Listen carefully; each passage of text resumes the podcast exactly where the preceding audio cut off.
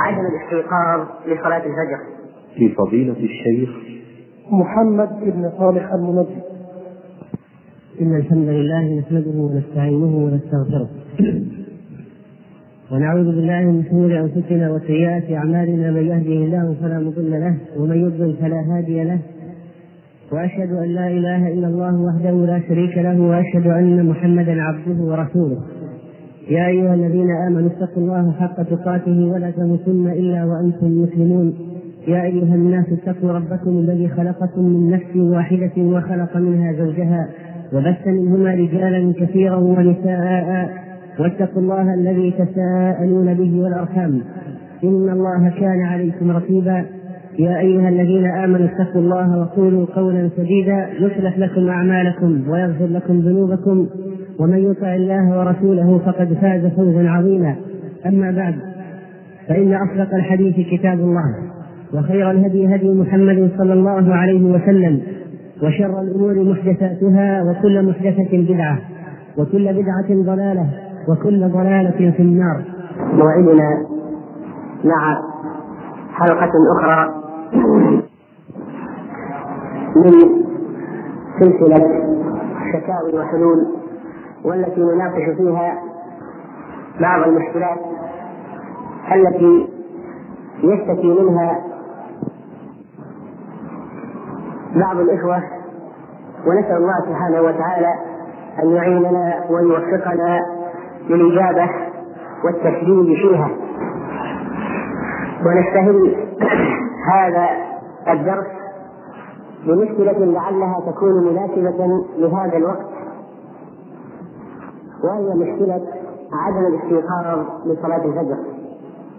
لأن هذا الأخ يشتكي ويقول بأنه تفوته صلاة الفجر في كثير من الأيام ولا يصليها في وقتها إلا نادرا. وكثيرا ما يستيقظ بعد بعد طلوع الشمس وكثير وأيضا يستيقظ بعد فوات صلاة الجماعة عليه في المسجد على أقل الأحوال.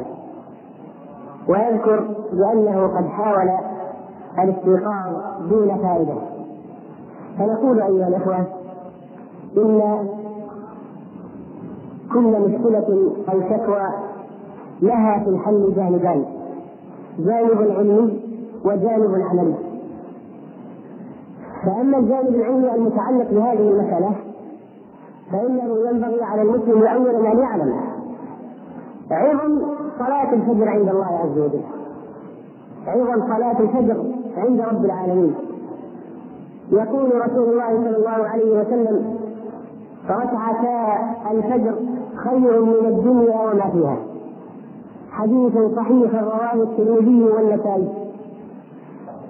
وقال صلى الله عليه وسلم من صلى الفجر في جماعة كان كان كقيام ليلة. من صلى الفجر في جماعة كان كقيام ليلة. ورواية أحمد ومسلم من صلى الصبح في جماعة فكأنما صلى الليل كله. وقال عليه الصلاة والسلام في الحديث الذي رواه أحمد والبخاري ومسلم قال أثقل الصلاة على المنافقين صلاة العشاء أثقل الصلاة على المنافقين صلاة العشاء وصلاة الفجر. ولو يعلمون ما فيهما لأتوهما ولو حبوا. وقال صلى الله عليه وسلم من صلى الفجر فهو في ذمة الله فلا يطلبنكم الله بشيء من ذمته وقال في الحديث الصحيح الآخر من صلى الفجر فهو في ذمة الله وحسابه على الله. وقال عليه الصلاة والسلام يتعاقبون فيكم ملائكة بالليل وملائكة بالنهار ويجتمعون في صلاة الفجر وصلاة العصر. ثم يعرج الذين باتوا فيكم فيسألهم يعني ربهم وهو أعلم بهم. كيف تركتم عبادي؟ فيقولون تركناهم وهم يصلون وأتيناهم وهم يصلون.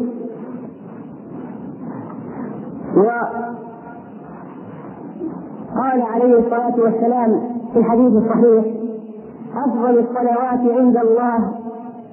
صلاة الصبح. أفضل الصلوات عند الله.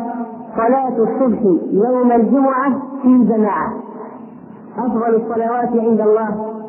صلاة الصبح يوم الجمعة في جماعة. رواه البيهقي وغيره وهو في كتاب صحيح الجامع. هذا من جهة عظم مكانة هذه الصلاة عند رب العالمين. من صلى البردين دخل الجنة. منهما صلاة الفجر. هذا أولا يعلم المسلم ما لصلاة الفجر عند الله من المكانة وما فيها من الأجر والثواب عند رب العالمين. وثانيا من الجوانب العلمية أن يعلم خطورة تفويت صلاة الفجر. فمن ذلك الحديث الصحيح المتقدم. أثقل الصلاة على المنافقين صلاة العشاء. أثقل الصلاة على المنافقين صلاة العشاء وصلاة الفجر. وفي الحديث الصحيح الذي يرويه البزار والطبراني وابن خزيمة عن ابن عمر رضي الله عنه عنهما قال كنا إذا فقدنا الرجل في الفجر والعشاء أسأنا به الظن. كنا إذا فقدنا الرجل في الفجر والعشاء أسأنا به الظن لماذا يسيئون به الظن؟ لأن هاتا لأن هاتين الصلاتين في هاتين الصلاتان في الحقيقة هما محك يظهر من خلاله إخلاص المرء فعلا في الصلاة لله في جماعة فإن كثيرا من الصلوات قد يدركها المرء لمناسبتها لأعماله ووقت استيقاظه ونحو ذلك. ولكن أن يواظب على صلاة الفجر فإنها والله علامة حقيقية على صدق إيمانه ولذلك إذا رأيت رجل يواظب على صلاة الفجر فارجو الخير منه. فارجو الخير من هذا الرجل. واعلم بأنه في منزلة عظيمة. ومن الأحاديث الدالة على خطورة تفويت صلاة الفجر قوله صلى الله عليه وسلم من صلى الصبح فهو في ذمة الله فلا يطلبنكم الله من ذمته بشيء فإن من يطلبه من ذمته بشيء يدركه ثم يكبه على وجهه في نار جهنم ثم يكبه على وجهه في نار جهنم. رواه الإمام أحمد ومسلم.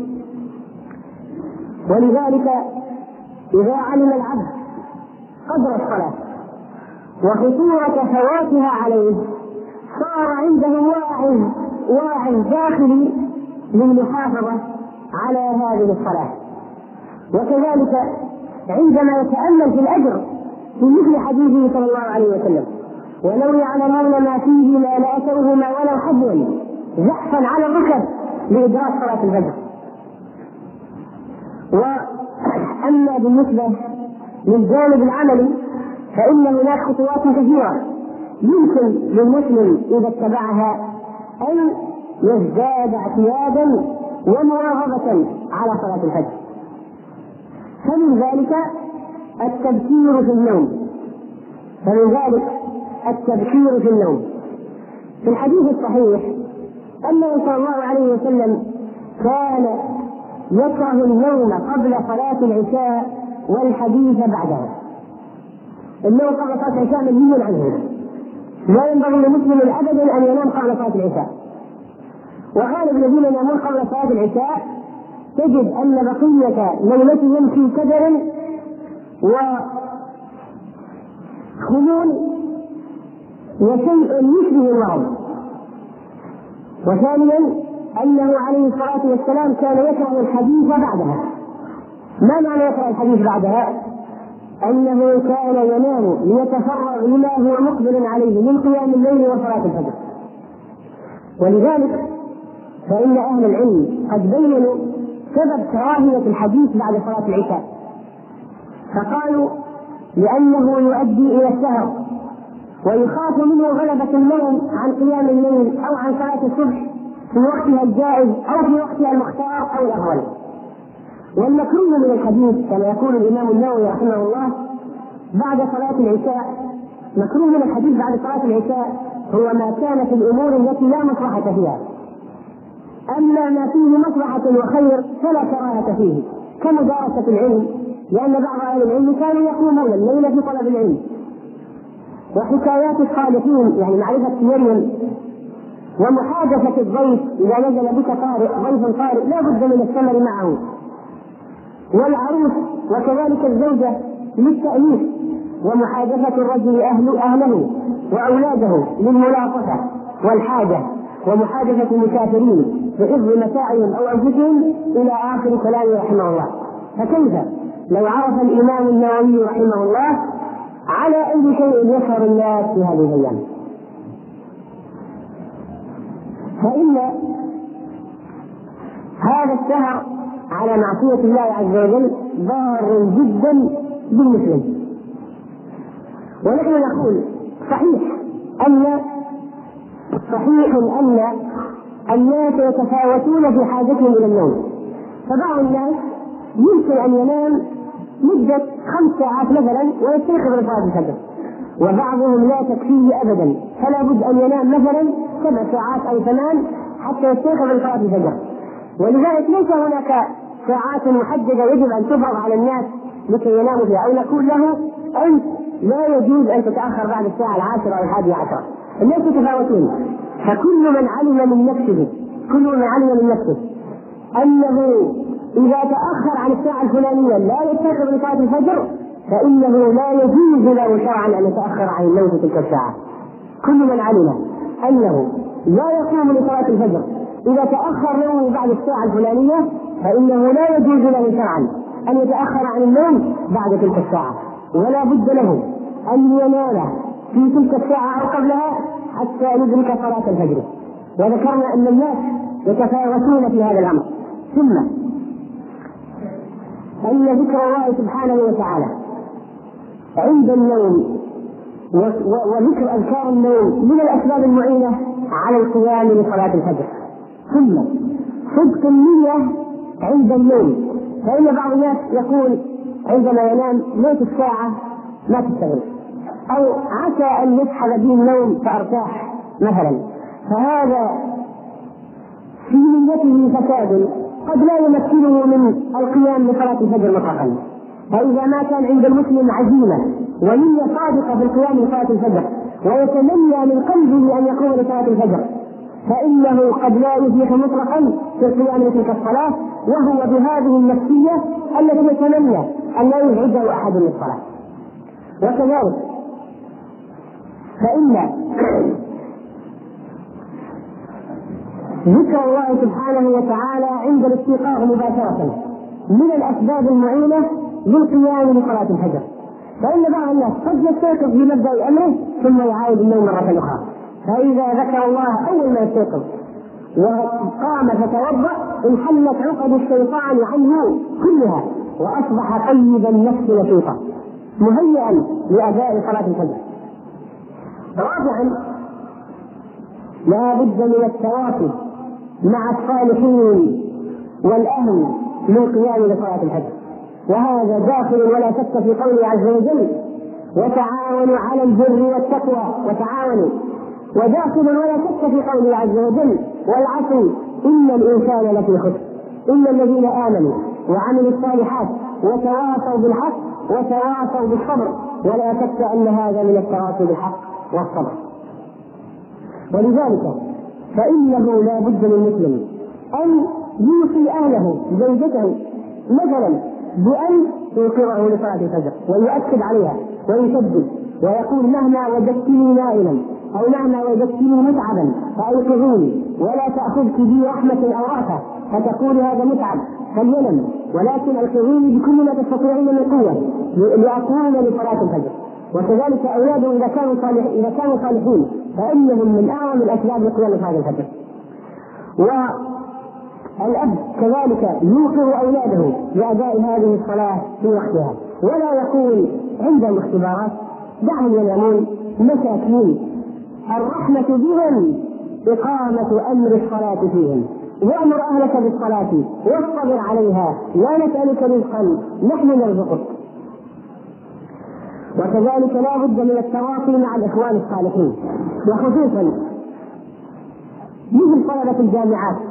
الذين يسكنون في غرف فلا أهل بجانبهم إلا إخوانهم الصالحين الذين يوقظونهم لصلاة الفجر أو الجيران الطيبين على وجه العموم في المجتمع الذين يوقظون لصلاة الفجر. قل له إذا قمت فأوقظني وجارك إذا قام يدق عليك الباب وجرس البيت ليوقظك لصلاة الفجر. أوصه وأكد عليه حتى لا يبقى مجال أو ثغرة لتثبيت الصلاة. واتبع أكثر من وسيلة لا تعتمد وسيلة واحدة. وكذلك سادسا الدعاء لله سبحانه وتعالى بأن يوفقك لأداء صلاة الفجر مع الجماعة. فإن الدعاء من أكبر أسباب النجاح. وثامنا استخدام الوسائل ومنها المنبه مثلا. وبعض الناس قد يضبط المنبه ولكن يجعله قريبا منه بحيث يقوم في الليل يكون عند الصلاة فيغلقه فلا يسمع له صوتا ولا حسا. ولذلك ينبغي الإنسان أن يبعد عنه هذا المنبه حتى يستطيع أن يشعر به ويكون باسكاته مثلا أو يكون بالصلاة فيكون قد رجع إلى رشده ووعيه الكامل ومن ذلك مثلا هذا المنبه في الهاتف. وقد يقول بعض الناس إن المكالمة بالمنبه في الهاتف ندفع ثمنها مالا. فأقول إن إدراك صلاة الفجر لا يعدل من الأموال مهما ينفق ولذلك إذا علمت انك لا تستيقظ إلى الا بهذه الطريقة فتكون هذه النفقة من أعظم النفقات في سبيل الله. وكذلك من الأسباب نضح الماء ورشه على الوجه. وهذا هو المشار إليه بحديثه صلى الله عليه وسلم في مدح الرجل الذي يقوم من الليل فيوقظ اهله فان ابت نوعه في وجه الله. ومدح المرأة التي تقوم من الليل فتوقظ زوجها فإن أبى نضحت في وجه الله. ولذلك نعح الماء من الوسائل الشرعية للقيام لصلاة الفجر. نعح الماء لأنه منشط ومنبه جيد جدا للغاية. وبعض الناس قد يثور عندما يوقف بهذه الطريقة. وتعتمد في نفسه أشياء ويغضب وقد يصل به الأمر إلى نوع من الشتم والسباب ولذلك لابد أن يكون الناقض عنده حكمة وعنده صبر ويعلم من طبيعة النائم لماذا رفع القلم عن النائم حتى يستيقظ؟ لمثل هذه الأشياء التي تحدث بغير وعيه ولذلك فإن على المتطوعين للإيقاظ للصلاة أن ينتبهوا. أنه قد يحدث له عند إيقاظ أخي المسلم نوع من الأذى. من الكلام أو الضرب غير غير المقصود غير المقصود. ولذلك فعليه أن لا يتوانى عن إيقاظ أخيه لصلاة الفجر. ومن الأسباب تاسعا أو عاشرا عدم الانفراد عدم الانفراد بالنوم. ولذلك الرسول صلى الله عليه وسلم نهى ان يبيت رجل لوحده، لماذا؟ لأنه قد ينام وليس عنده في بيته أو غرفته من يقظه للصلاه، لكن عندما يكون نائما وفي البيت أحد آخر فإنه إذا قام هذا ايقظ هذا، وإذا قام هذا ايقظ ذاك وهكذا، ولذلك نهى صلى الله عليه وسلم الرجل أن يبيت لوحده، وهذا من الحكم وراء هذا النوم. والحادي عشر عدم النوم في الأماكن البعيدة التي لا يخطر ببال الناس أن فلان نائم فيها فيوقظ وهذا يفعل بعض الناس. قد ينام في السطوح دون إخبار من منزل البيت وقد يذهب بعضهم إلى مثلا في سكن الجامعة إلى غرفة نائية فينام فيها دون أن يخبر احدا. فلا ينتبه اليه احد ولا يأبه له ويظن قد ذهب إلى المسجد إذا فارق مكان نومه المعتاد فإذا به نائم في مكان آخر. ولذلك فإذا أراد الإنسان أن يغير مكان نوم المعتاد يخبر صاحبا له أو صديقا باين سيبيت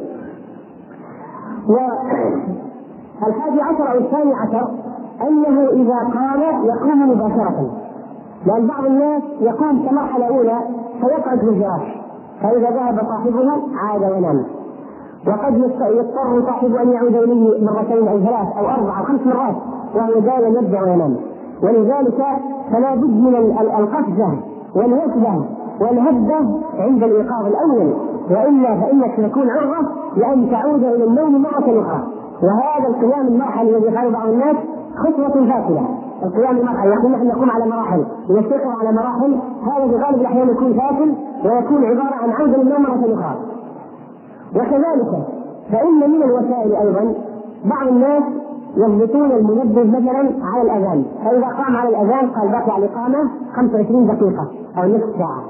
عليك ليل طويل فرقد فينام. قد يكون من الحكمة أن لا يضع المنبه قبل الإقامة بوقت طويل. إذا كان يعلم من نفسه أنه لو قام ونظر في الساعة قال بقي وقت ويرقد بين اذان الإقامة. فإنه يرد في هذه الحالة أن يكون فطنا إلى هذا. الوسيلة الثالثة عشرة. ايقاد ايقاد السراج عند الاستيقاظ. وعندنا الآن طبعا في هذا الزمن آه هذه المصابيح الكهربائية كفيله اذا إذا الإنسان نور المصباح مباشره أن يمنعه ذلك عن النوم لأن النور يخرج النعاس نوعا ما. والرابع عشر الانتباه لعدم السهر ولو في قيام الليل. بعض الناس يقول ينام ثم يقوم قيام الليل فيطيل جدا في قيام الليل بحيث أنه ينام قبيل الفجر بلحظات وهذا يقع للناس في رمضان كثيرا. أن يتسحرون وينامون قبيل الفجر بلحظات فينامون عن صلاة الفجر. وهكذا. فلذلك من الخطأ السهر إلى قرب الفجر لا في دراسة ولا غير دراسة. صلاة الفجر مقدمة على جميع الأشياء. ولا حتى في قيام الليل. إذا علمت أن سهرك في قيام الليل سيفوت عليك صلاة الفجر فما هي الفائدة من الاشتغال بالنافلة وتضييع الفريضه الخامسة عشرة عدم تسخين الأكل قبل النوم. فإنه من أسباب النوم العميق. من أسباب النوم العميق تسخين الأكل تسخين الأكل قبل النوم. وطبعا من أكل كثيرا تعب كثيرا ونام كثيرا فخسر كثيرا. ولذلك يحرص الإنسان أن ينام وقد مضى على عشائه وقت من الزمن حتى لا يكون خالدا صريحا لا يستيقظ. والسادسة عشرة والسادسة عشرة الانتباه لموضوع سنة من السنن وهي أنه قد ورد في الحديث الصحيح أنه صلى الله عليه وسلم كان قال إذا صلى أحدكم ركعتين فليضطجع على جنبه الأيمن. يعني ركعتي الفجر كان عليه الصلاة والسلام بعد ما يصلي سنة الفجر يضطجع ثم يقول يؤذنه بلال بالصلاة فيقوم بالصلاة. فبعض الشباب قد يقرأ هذا الحديث فيقول هذه سنة مهمة ويصلي ركعتين من سنة الفجر ثم يقعد على جنبه الأيمن ويقوم بعد طلوع الشمس. ولذلك فإنه لابد من الفقه في تطبيق الأحاديث. وليس إذا علمت أنك إذا اضطجعت بعد سنة الفجر على شقك الأيمن أنك تنام نوما عميقا فتقوم تقول هذه سنة ولا بد من تطبيقها. ولذلك صلى الله عليه وسلم كان بلال يجيبه بالصلاة على فرض أنه على فرض أنه ينام كان بلال يجيبه بالصلاة. هذا أولا ثانيا ثبت في الحديث الصحيح أنه صلى الله عليه وسلم رواه أحمد بن حبان أنه صلى الله عليه وسلم كان إذا عرس قبل الصبح وضع رأسه على كفه اليمنى وأقام ساعده. كان إذا نام مثلا في السفر نزل قبل الفجر وأراد أن يعرس يعني ينزل على الطريق يستريح كان ينصب يده اليمنى نصبا ينصب اليمنى. ويستلقي ويضع رأسه على كفه الأيمن. وهذه الوضعية تمنع من الاستغراق في النوم لأنه إذا غفى طاق يستيقظ لأن رأسه مرفوع مرفوع على كفه وساعده. والسابع عشرة جعل قيام الليل قبيل الفجر مباشرة بحيث أنه يوتر من هنا ويؤذن الفجر من هنا. فيكون هذا عبادة موصولة وقد وقعت في الثلث الأخير من الليل والآن يقوم لصلاة الفجر وهو نشيط ويذكر المسجد. السابع عشرة طريقة النوم فإن الإنسان لو نام على جنبه الأيمن كما هي السنة. ووضع كفه اليمين الأيمن تحت كف كفه تحت خده الأيمن فإن هذه وضعية النوم تكون أسهل وأيسر في الاستيقاظ. بخلاف ما لو نام في وضعيات أخرى فإنه يكون أصعب في الاستيقاظ. وهذه لعلها من الحكم. وراء هذه الطريقة النبوية في النوم. النوم على الشق الأيمن ووضع الكف اليمنى تحت الخد الأيمن. والتاسع عشرة أن يستعين بالقيلولة في النهار في النهار إن استطاع. فإنها عون له فيكون نومه في الليل معقولا متوازنا. الوسيلة العشرون أن لا ينام بعد العصر ولا بعد المغرب. لأن هذا النوم بعد العصر أو بعد المغرب فيجعله يتأخر جدا في النوم. لن يأتيه النوم مبكرا وبالتالي تنام متأخر جدا و لا يستيقظ لا يستيقظ ابدا إلى صلاة الفجر. وأخيرا فإن الإخلاص أيها الإخوة الإخلاص الإخلاص هو الذي يجعل الإنسان أولا وأخيرا يقوم للصلاة ليلا قبل الفجر بدقائق فإذا كان صادقا في نيته خالصا من قلبه فإنه سيقوم ويستيقظ.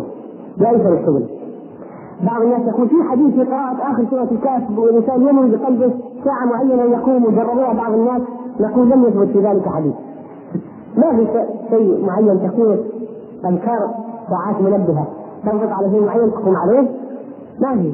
من هذا القبيل. ليس هناك إلا الصدق والإخلاص مع الله عز وجل.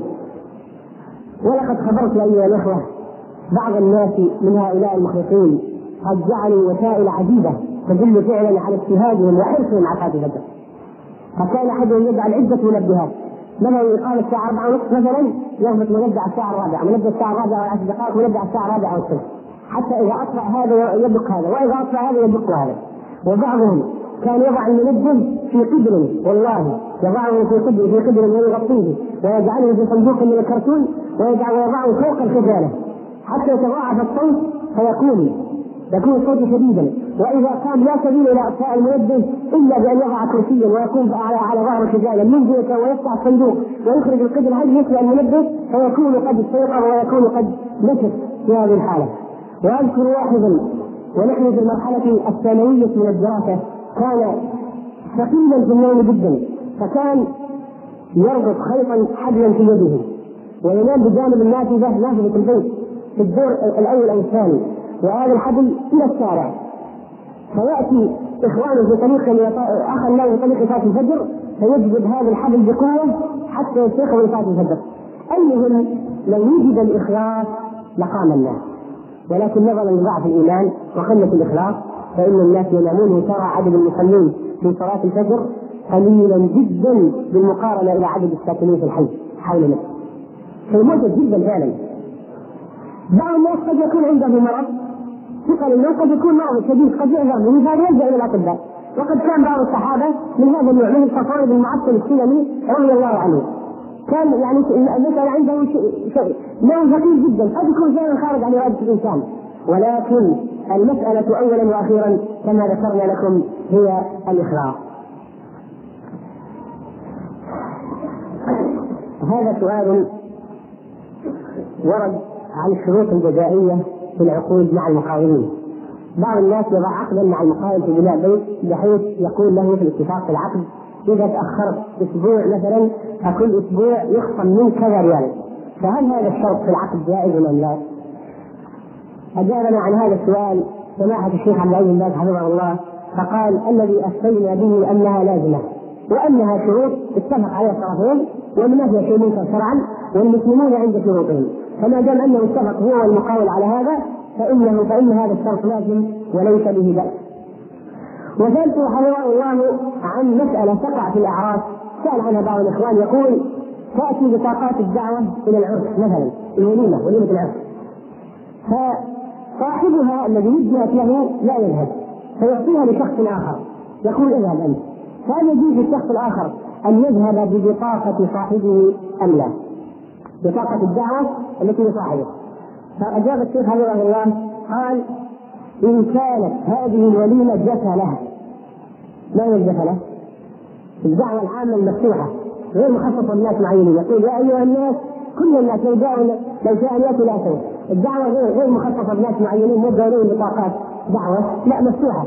فعند ذلك لا بأس أن أن أن أن, أن يذهب من يذهب. لكن إذا كانت هذه البطاقات مخصوصة لأشخاص معينين فهو يأخذها على أنه فلان وهو ليس بفلان فيقول هذا الشيخ حفظه الله هذا كذب ولا يجوز أن يذهب في هذه الحالة. وهذا سؤال أيضا ورد عن عمال يعملون في بعض الشركات مدة ثمان ساعات متواصلة. وأحيانا تكون هذه الساعات ليليه بحيث لا يرجع لبيته إلا وهو في غاية النعس ويعلم أنه إذا نام فلن يستيقظ لصلاه الظهر إلا بعد العصر. فهل يجوز له أن يجمع الظهر والعصر أم لا؟ فقال الشيخ حفظه الله لا ينام حتى يصلي. ويجاهد نفسه حتى يصلي. ولو لم يستطع لا يفتح الباب للناس في هذا المجال. فلا بد من المواظبة على الصلاة في وقتها. وهذه مسألة كانت كثيرا لعمال الشركات عندنا هنا. يحدث لهم بسبب الدوام في الليل أو بعض المؤسسات في دوام في الليل يعني أو في, في أوقات معينة مثلا من الساعة الثانية إلى الساعة الثامنة مثلا قد يحدث لهم شيء من هذا القبيل.